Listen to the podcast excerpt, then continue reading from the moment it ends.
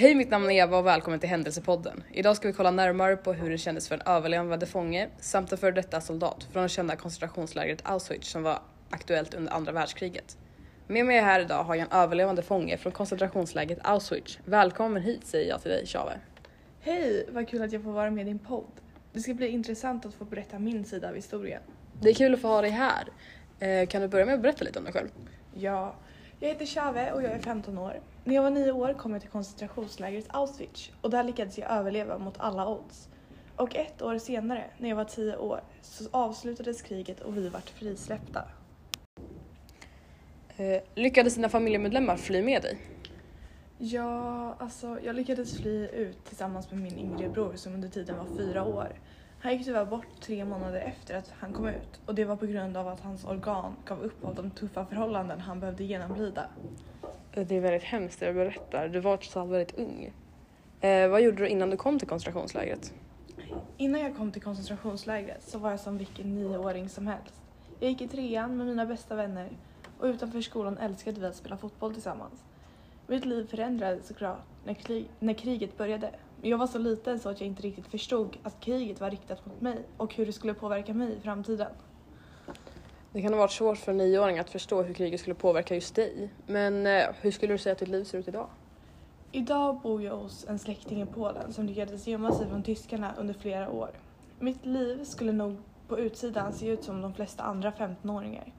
Jag går i skolan och är mina, med mina kompisar på fritiden.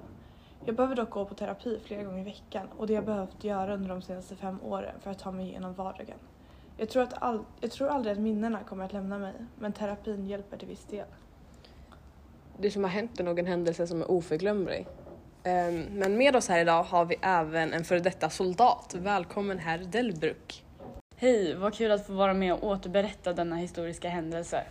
Trevligt att ha dig här och att du ska få berätta din sida av händelsen. Men hur ser ditt liv ut idag? Har Mm. händelsen påverkat dig?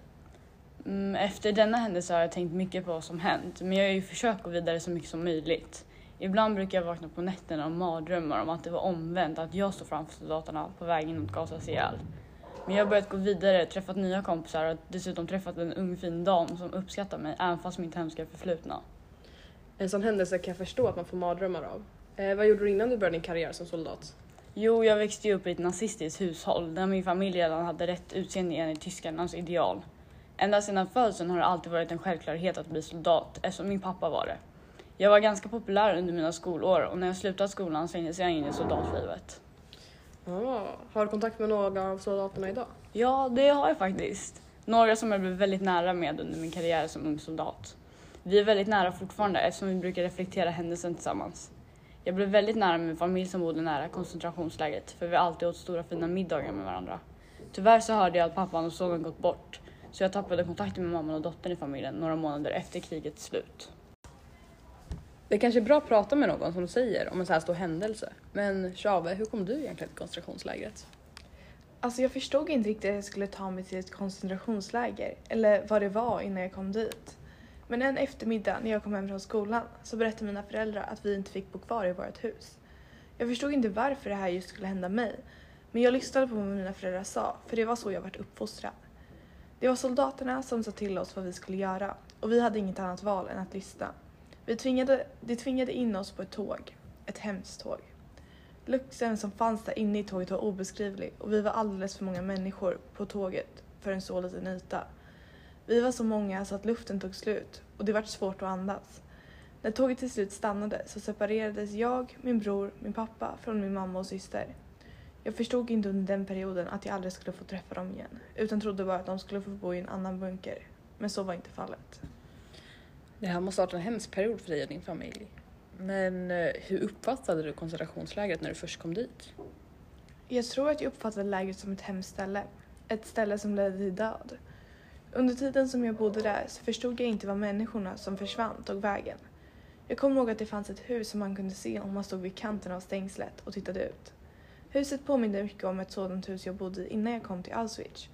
Man kunde se barn som läste eller gungade i trädgården och jag gillade att sitta där och titta på dem. För de hade livet som jag ville ha. Det som en gång var mitt. Jag undrade vad det var för skillnad mellan mig och dem. Jag förstod inte under den tidsperioden att det endast var vårt ursprung som skilde oss åt. Herr Delbruk, hur känner du efter att ha hört Chaves sida av historien? Ja, alltså under denna tidsperiod tyckte jag att det vi gjorde var rätt med tanke på att vi inte ansåg att de var lika mycket värda. Vilket jag idag ångrar mer och mer. När jag hör hans historia får det mig att känna mig som en hemsk person. Men det har hänt och jag kan inte ändra på det. Jag hoppas däremot att vi tar lärdom av denna händelse i framtiden. Ehm, jag tycker att det är bra att du börjar ångra dig. Men eh, det här kanske jag inte kan få fråga, men under en dag, hur många avrättade du som mest? Ja, eh, under de mest intensiva dagarna skedde många massmord och siffrorna kunde gå upp till över flera tusen mord per dag. Det är höga siffror det du säger, men skulle du säga att du känner någon skuld för det idag? Ja, alltså jag förstår att många säger att det är fel och jag förstår att jag dödade många, alldeles för många. Men jag skulle inte säga att jag känner så mycket skuld och vi alla begår misstag. Och jag har dragit lärdom från mitt misstag.